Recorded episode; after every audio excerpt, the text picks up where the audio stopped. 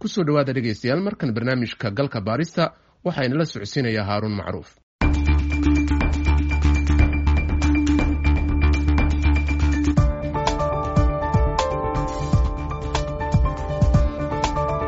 Dabayaaqadii bishii disembar ee sannadkii aynu soo dhaafnay ayaa dhakhaatiirta shiinaha ay ogaadeen in xanuun sida hargebka ah ay dad badan ugu dhimanayaan magaalada wuhan ee bartamaha waddankaasi shiinuhu waxa uu cudurkan jiritaankiisa ku wargeliyay hay'adda caafimaadka ee adduunka koob iyo soddonkii bishii disembar labada kun iyo sagaaliyo tobanka.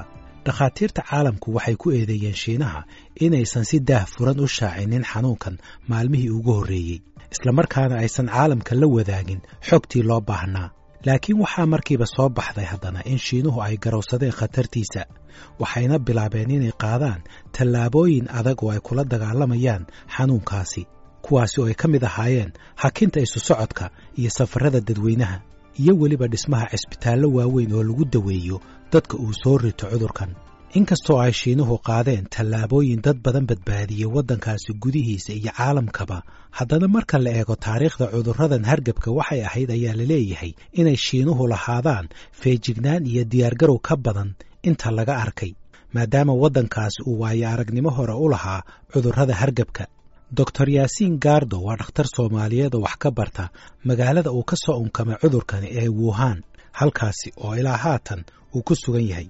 Xanuunkan iminka wuxuu ka soo bilaabmay coronavirus baa la yidhahdaa familigan waxay ku nool yihiin xawayaanada duurjoogta ah ee aan bini aadanka nu noolayn iyo bini aadanka way ku dhacaan. Marka haddii uu virusku uu ka soo gudbo xawayaanka uu bini aadanka yimaado jidhkeenii ma difaac hore ugama samaysan marka laqastigiisu wuu ku adkaanaya sababta ay shiinaha ugu soo bilowmayna waxa weeye halkan shiinaha aan joogo waxaa jira dhaqamo ay leeyihiin oo oo ka mid ah inay cunaan xawayaanadan wild lifeka ah. Marka dhaqankaasi wuxuu soo bilaabmay muddo hore oo kun sagaal boqol iyo toddobaatanaadkii markii abaar xuni ay ku dhacday waddankan shiinaha ayaa dawladdu waxay dhiirigelisay inay inay ma garanaysaa industriga wild lifeka la furo. Marka taasaa ay loo badinayaa in ay xanuunadani markasta ugu soo laalaabanayaan waddankan shiinaha marka xanuunkan ugu dambeeyey iminka covid nineteenka ama coronavirus two thousand nineteenka la yidhaahdo waxaa loo badinayaa inuu laga qaaday bat oo ah fiidmeerka waxaynu inagu nidhaahno intermediate hostigiina uu ahaa xawayaan la yidhahdo bangolin waa gartay bal waxaad ka hadashaa sida dhaqsaha leh ee uu adduunka ugu faafay iyo waxa suurageliyey. Sababta keentay inuu aadka u faafo waxa weeye xanuunkan waxaa xilligaa uu bilaabayay xanuunku ay dadku kala qaadayeen waxa xilligii ay shiineysku ay ku jireen new yorkoodii ama ay ku jireen sanadkoodii cusbaa marka dad badan baa adduunka aadayay oo xaggan shiinaha ka tegayay iyaga dadkan shiineyska laftooduna goboladooda ayay ku laabanayeen. Marka magaaladan wuhan aan joogno markaa waxaa ku noolaa shan iyo toban milyan. Shan milyan oo kamidii way ka baxeen magaaladii marka waxaa loo badinayaa shanta milyan inuu inuu inuu inuu ina inay qaadeen oo adduunka kala geeyeen. Sideeda kalena xanuunkan covid nineteenka naturkiisa markii in badan inkastoo wax badan laga ogeyn haddana faafitaankiisu wuu ka badan yahay. Marka la eego epidemiologically wuu ka badan yahay raidka uu ku faafayo xanuunadii ka horreeyey ee saaskii labada kun iyo saddexdii ama kii sowediga labadii kun iyo labaiyo tobankii ka bilaabmay la mas ama iboolihii oo kale. In ka badan saddex kun oo qof ayaa dalka shiinaha ugu dhimatay cudurkan. Kiisaska laga diiwaan geliyeyna waxay ka badan yihiin siddeetan kun. Maalmihii ugu dambeeyeyse waxaa muuqanaysay in wuhan ay ka soo kabanayso cudurkan waxaana dhowr maalmood oo isku xigta aan la soo warin xaalad cusub oo cudurkaasi ah haddaba sida ay shiinuhu u maamuleen xanuunkan iyo soo kabashada xilligan waxaa mar kale ka warramaya doctor yaasiin gaardo. Markii ay magaaladu bilowgii uu ka bilaabmay horta lama ogeyn oo ilaa iyo december january oo bishii koowaad ah dawladda shiineska kuma dhawaaqin in lamana sheegin. Marka january labaatankeedii wixii ka dambeeyey ayaa si shaacsan oo h odu sheegtay shiinisku sheegeen newska la geliyay. Marka intaa hore dadku may ogeyn waana ta keentay in dad badan uu ku faafo xanuunku marka january labaatankeedii wixii ka dambeeyey waxay sababtay in magaaladii la xiro ay dadkii ku yaacaan suuqyadii iyo waxa weye meelihii wax laga soo gadan jiray. Marka si waxaa loo xidhay aan waxa weye dadka loo sii sheegin oo habeen keliya anagoo hurina laba labadii habeenimo inta lagu dhawaaqay tobanki tobankii subaxnimo magaaladii la xiday marka markii hore waxaa dhacay banic in suuqyada lagu cararo sida maga meelo kale haddana waxaa soo gudoonaatay stage kale oo ah in cuntadii xoogaa gabaabta soo yaro noqoto maadaama magaaladu ilaa toban cisho labaatan cisho yaro xidhnayd haddana waxaa soo gudboonaatay in levelkii xidhitaanka kor loo qaado oo la idhaahdo markii hore magaalada lama bixi karo unbay hayde iminka waxa weeye tagaasidii ma garanaysaa gawaadhidii dadku lahaayeen in la joojiyo. Iminka waxaan ku jirnaa heer ah inaan qof kastaaba gurigiisa ka bixi karin. Marka xaaladdu way soo roonaanaysaa laakin jeniisku waxay isku dayayaan inaan inaan hal mar oo kale haddana numberku kor u kicin marka aad baa iminka waxa weeye waxay qaadeen. Tallaabooyin aada aada u adag cudurkan haatan waxa uu ku faafay guud ahaan dunida waxaana uu gaaray waddamo iyo degaano gaaraya boqol iyo toddobaatan iyo toddoba guud ahaan kiisasku waxay kor u dhaafeen saddex boqol oo kun oo kiis. Dhimashaduna waxay ka badan tahay saddex iyo toban kun. Waddamadii ugu dambeeyey ee uu soo gaaray xanuunkan waxaa ka mid ah soomaaliya oo lix iyo tobankii bishan maarso ku dhawaaqday in laga helay qofkii ugu horreeyey oo ah nin soomaali ah oo ka soo laabtay gobol ku yaalla shiinaha doctor maxamed maxamuud fuje waa dhakhtar cudurrada guud waxaana uu ka mid yahay guddi dhakhaatiir caafimaad ah oo si dhow ugala shaqaysa wasaaradda caafimaadka ka hortagga cudurkan. Cudurka coronavirus in soomaaliya laga helay waxay ka dhigan tahay in xaaladii soomaalida ay isbedelayso dhibaato badan ay halkaas ka imaan karayso. Waxaa kaloo ay ka dhigan tahay in dadku ay ay ay dhilaha furaan oo tilmaamaha dadka khubaraada ah oo waxaan ku takhasusay ay u sheegaan ay qaataan waxaa laga yaabaa in dhaqdhaqaaqooda iyo xorriyaddooda la xayiro. Waxay la mid tahay in khatarta adduunka ka jirtay annagana ayna soo gaartay laakiin soomaaliya miyaa la dhihi karaa markaad eegto adeegooda caafimaad iyo xaaladdu siday ahayd? Xanuunkaas oo si baaxad leh u gaadha dadka ama faafa? Ilaahay ma faafiya laakiin haddiiba uu faafo soomaaliya ma leedahay kartideedii waa su'aal fiican waa su'aal fiican allaan leenahay soomaalida waxay markaas ku kala jiraa allaan leenahay allah noo maqan waan ognahay caafimaadkeena sistamka yahay.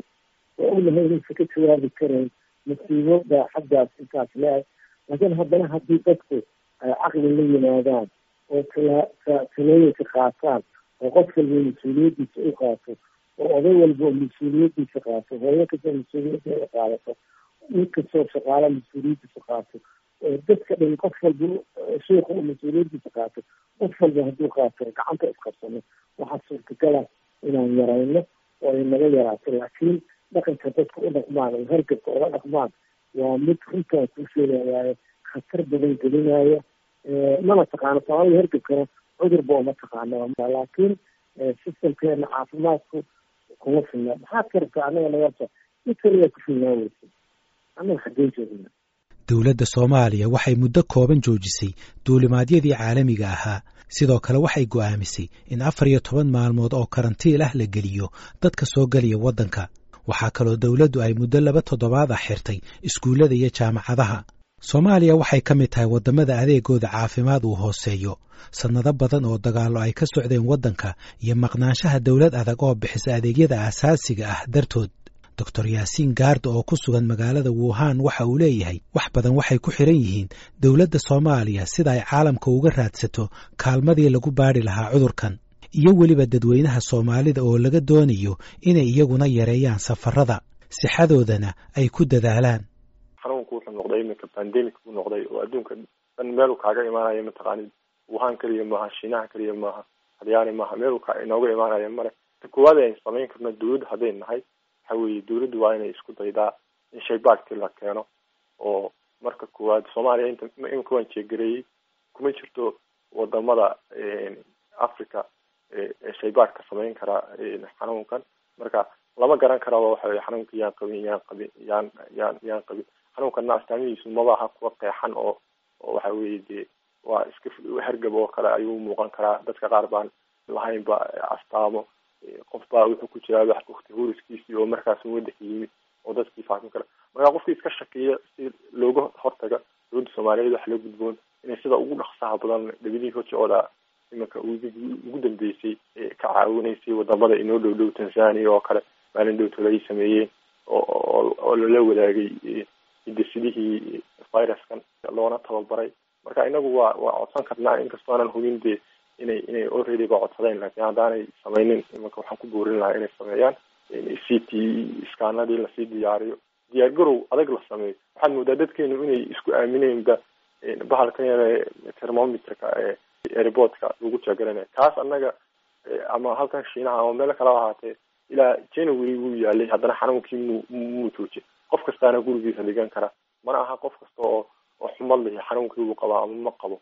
Hadday noqoto bulshada soomaaliyeed waxaan ku boorin lahaa inay horta safarada unnecessaryga ah iska yareeyaan oo maadaama iminka adduunkii xanuun ka faafay weliba dadka xanuunada hore qabay oo haddii aad dhiikar lahayd haddii aad inaad gurigaaga iska joogtid oo aanad safaro kenya ama ethoobia oo unnecessary aanad aadin oo aad waxa weye airboodada dad badan baad kaga kulmi kartaa aad aada iska joogto gurigaaga. Gamcaha dhaqdaan gamca dhaqashadu aad iyo aad bay muhiim tahay. Marka markastoo aad dabadda ka timaadid waa inaad gacmaha dhaqatid xagga inaynu maask xidhano ama bahalka afka lagu xidho xeerkaa maynu gaadhin laakiin dadka dhakhaatiirta oo kale ee la tacaalaya ama eeriboodada jooga oo kale aada inay isku ilaaliyaan oo ay ay xidhaan iyagana waa muhiim deegaanada soomaalida jooganana waxay la gudboon inay arrinta shaybaadhka aada uga shaqeeyaan haddaba maxaa looga hortegi karaa xanuunka coronavirus daawase ma loo hayaa inkastoo dhakhaatiirta ugu waaweyn dunida ay weli taxadar ka muujinayaan inay jirto daawo lagula dagaalamo cudurkan ilaa ay tijaabooyin saynis ah xaqiijiyaan. Haddana guud ahaan caalamka waxaa ka socda dadaallo kala duwan oo ay wadaan dhakhaatiir kala duwan oo ay ku doonayaan inay noqdaan kuwii ugu horreeye ee soo saara daawo ama tallaal looga hortago cudurka coronavirus. Tartamada ugu adag waxay ka socdaan waddamada shiinaha maraykanka awstraaliya qaaradda yurub iyo meelo kaleba doctor xasan xaaji maxamed shuuriye waa dhakhtar cudurrada faafa waxaana uu xilligan madax ka yahay qaybta karantiilka bukaanka cudurka coronavirus ee wasaaradda caafimaadka ee dubay collaboration waa jiraa oo waxa waaye w h o da qayb weyn ay ku leedahay. Marka ilaa iyo hadda yacni gruupka on ugu rijada fiican oo maaragtay atleast ay leeyihiin maaragtay janiska ugu fiican inay horay wax u soo saaraan ay ugu badan tahay waa studigan maaragtay sandi san diego biotech companyga oo collaboration lala duga university iyo national university of singapore. Waxay joogaan hadda face three oo aadamii ku tijaabiyaan. Prospect waxaa laga yaabaa lix bilood in ayaga uu shaqeeyo. Haddii researchgaas maaragtay human marka hadda ay ku tijaabiyaan aadamiga oo difaac fiican jirkooda uu suubiyo bal waxaad wax yar ka sheekaysaa xanuunkan marka laga hadlay waa caabuq baa la yidhahdaa. Caabuqana dawooyin haddaba lagu daweeyo way jiraan adduunka. Sababta daawooyinka jira aysan u daaweynin xanuunkan maxay tahay? Walaw su'aal aada u fiican waayo horta anaga caabuq marka la yidhaahdo waa maog tahay sambabka oo infection ku dhacay maaragta caabuqaas marka waxyaalo badan oo kala duwanaa keena. Waxa ugu badan oo keeni jiray waa nooca jermiga la yidhaahdo bacteria. Bacteria dee waa laga adkaadaho waxaa la isticmaalaa antibiotic. Antibioticgaasa marka qofka la siiya haddaa xusuusatid hargab markau qofku ku dhaco hargabkaas waa ku xumaadaa. Markii la hargabka waa ku xumaada waxa waaye viruskii wuxuu daaqada u furay. Bacteria inay soo gasho qofka jirkiisa awdbaqa ku noolayd dabadeedna uu qofkii xanuunkii ku zaa-ido off oo kale uu ku noqdo ama qaarjeed bas u yaqaano. Waxa lagu daaweynaa antibiotic kan marka muxuu uga duwan yahay? Kan waxa weeye wax antibio bacteriadii ka sii yaryar oo la yidhaahdo virus. Viruskii oo ah mid cusub. Marka sababta caabuqyadii hore o dhan aan u daawey jirno osan dhib aysan ku lahayn waxay u badnaayeen bacteria bacteriana waxaa lagu daaweeya antibiotic oo meel walba available ka ah. Laakiin markuu noqdo virus de waa ka duwan yahay. Daaweyntiisi daawadiisii helidiisii waa dhib waa qaali. Meelaha badan adduunka cariiriyay ku tahay waana virus cusub oo ma hubti daawadan aad siinayda inay tahay mid shaqaynayda in kale waa on clinical trial ku tijaabi maara. Maalmihii ugu dambeeyey waxaa soo badanayay dadka baraha internetka ku dhiibanaya talooyin ku saabsan daawooyin dhinaca dhaqanka ah oo loo adeegsan karo daweynta cudurka coronavirus. Haddaba arrimahaasi maxay ka qabaan dhakhaatiirta soomaaliyeed? Waa kan doctor maxamed maxamuud fujey wa waa maqlay oo waa degeystay aniga culimada habeen dhageedbaaba aniga ka hadla nin culimaha sheikhaasa farisana wareeda waxaa idinka cudurka waa waa dembi aan galnay waa waxaas aan galnay waa hala yidhaahdo laakiin waxaan rabaa inaad ku dartaan tilmaamaha ay dhakhaatiirta jeclaan in la dadkii laga qayb galo saaxib waa kugu raacsanahay anigu anigu maanta hadda araagay daawahadalaa la sameynaya. Ma anfacayso waxaan aragnay nimanka culamada ah ee waxaas ka hadlaya waa dadka mujaawaadka sameeya. Anigu ma diidinin waxa leeya xusuudaya laakiin cilmi ku fadhisaa ma ii sheegi karaa publication intuu sameeyey uu dad nooc covid nineteen qaba uu siiyo daawadii oo ku rita ma ii sheegi karaa mama jirto cudurka daawadan soo weli lama keeni karo marka waxaas waa dadkana maray habaadisay ku sameynayaan laakiin nin baa hadda kahor waxaa la yidhi hebel maxaa ku caafimaatay isagoo cudurkii layga daaweeyayo wuxuu yihi cag maroodi biyo galay oo inta cabadiisa ku raysa cag maroodi biyo galay marka suurtagal maaha waa habaadis weeye waana gara karaa waxaas waxyaalaha dhaqanka ah. Laakiin dadka hargabka dhanba haddii hargabka fasin waa lagu daaweeyaa malab waa lagu daaweeyaa lima dhanaan waa cunaa vitamin c waa ku badanka maba diid ayaada waxaas laakiin waxaa intaas iga daran inaysan kugu dhicin aan ka shaqeyno. Ilaa midaana waxa marku kugu dhaco aasaas iskaga daaweynaysa. Waa inaan dhammaanteen gacanta isku qabsano cudurka primary prevention inuusaba kugu dhicin. Waa inaan annaga u istaagay tusaale haddaan kuu mileeyo cudurka la yidhaahdo shareecada haddii aad sagaalan tahay kugu dhici maa saaxiiba marka waa inaan annaga dhan ka shaqeyno cudurka inuusan kugu dhicin oo aanu qaadano tilaabooyinka noo furudeyn kara cudurka iyo annaga inaanu isaagsan marka qodobkaas saas aan jawaabaya daawada ah saas ha la yeelo iyo saas ha la yeelo. Cudurka marka ku dhaco gobolkood isbitaalay baahanya marka malabio waxaan keenaynaa iyo iyo lima sida ninka i c u u baahan. Waka hadalka waa halkaas kasagow haddaba argagaxa uu xanuunkani ku abuuray dadweynaha dunida iyo sida dhaqsaha leh ee uu ku faafayo waxaa haddana jirta xaqiiqooyin ah in dadka intooda badan ay ka soo kabanayaan. Xataa dadka da'da ah oo uu ugu daran yahay qaarkood ayaa la arkay inay ka soo bogsadeen cudurkan sida uu la kulmay doctor xasan xaaji maxamed shuuriye.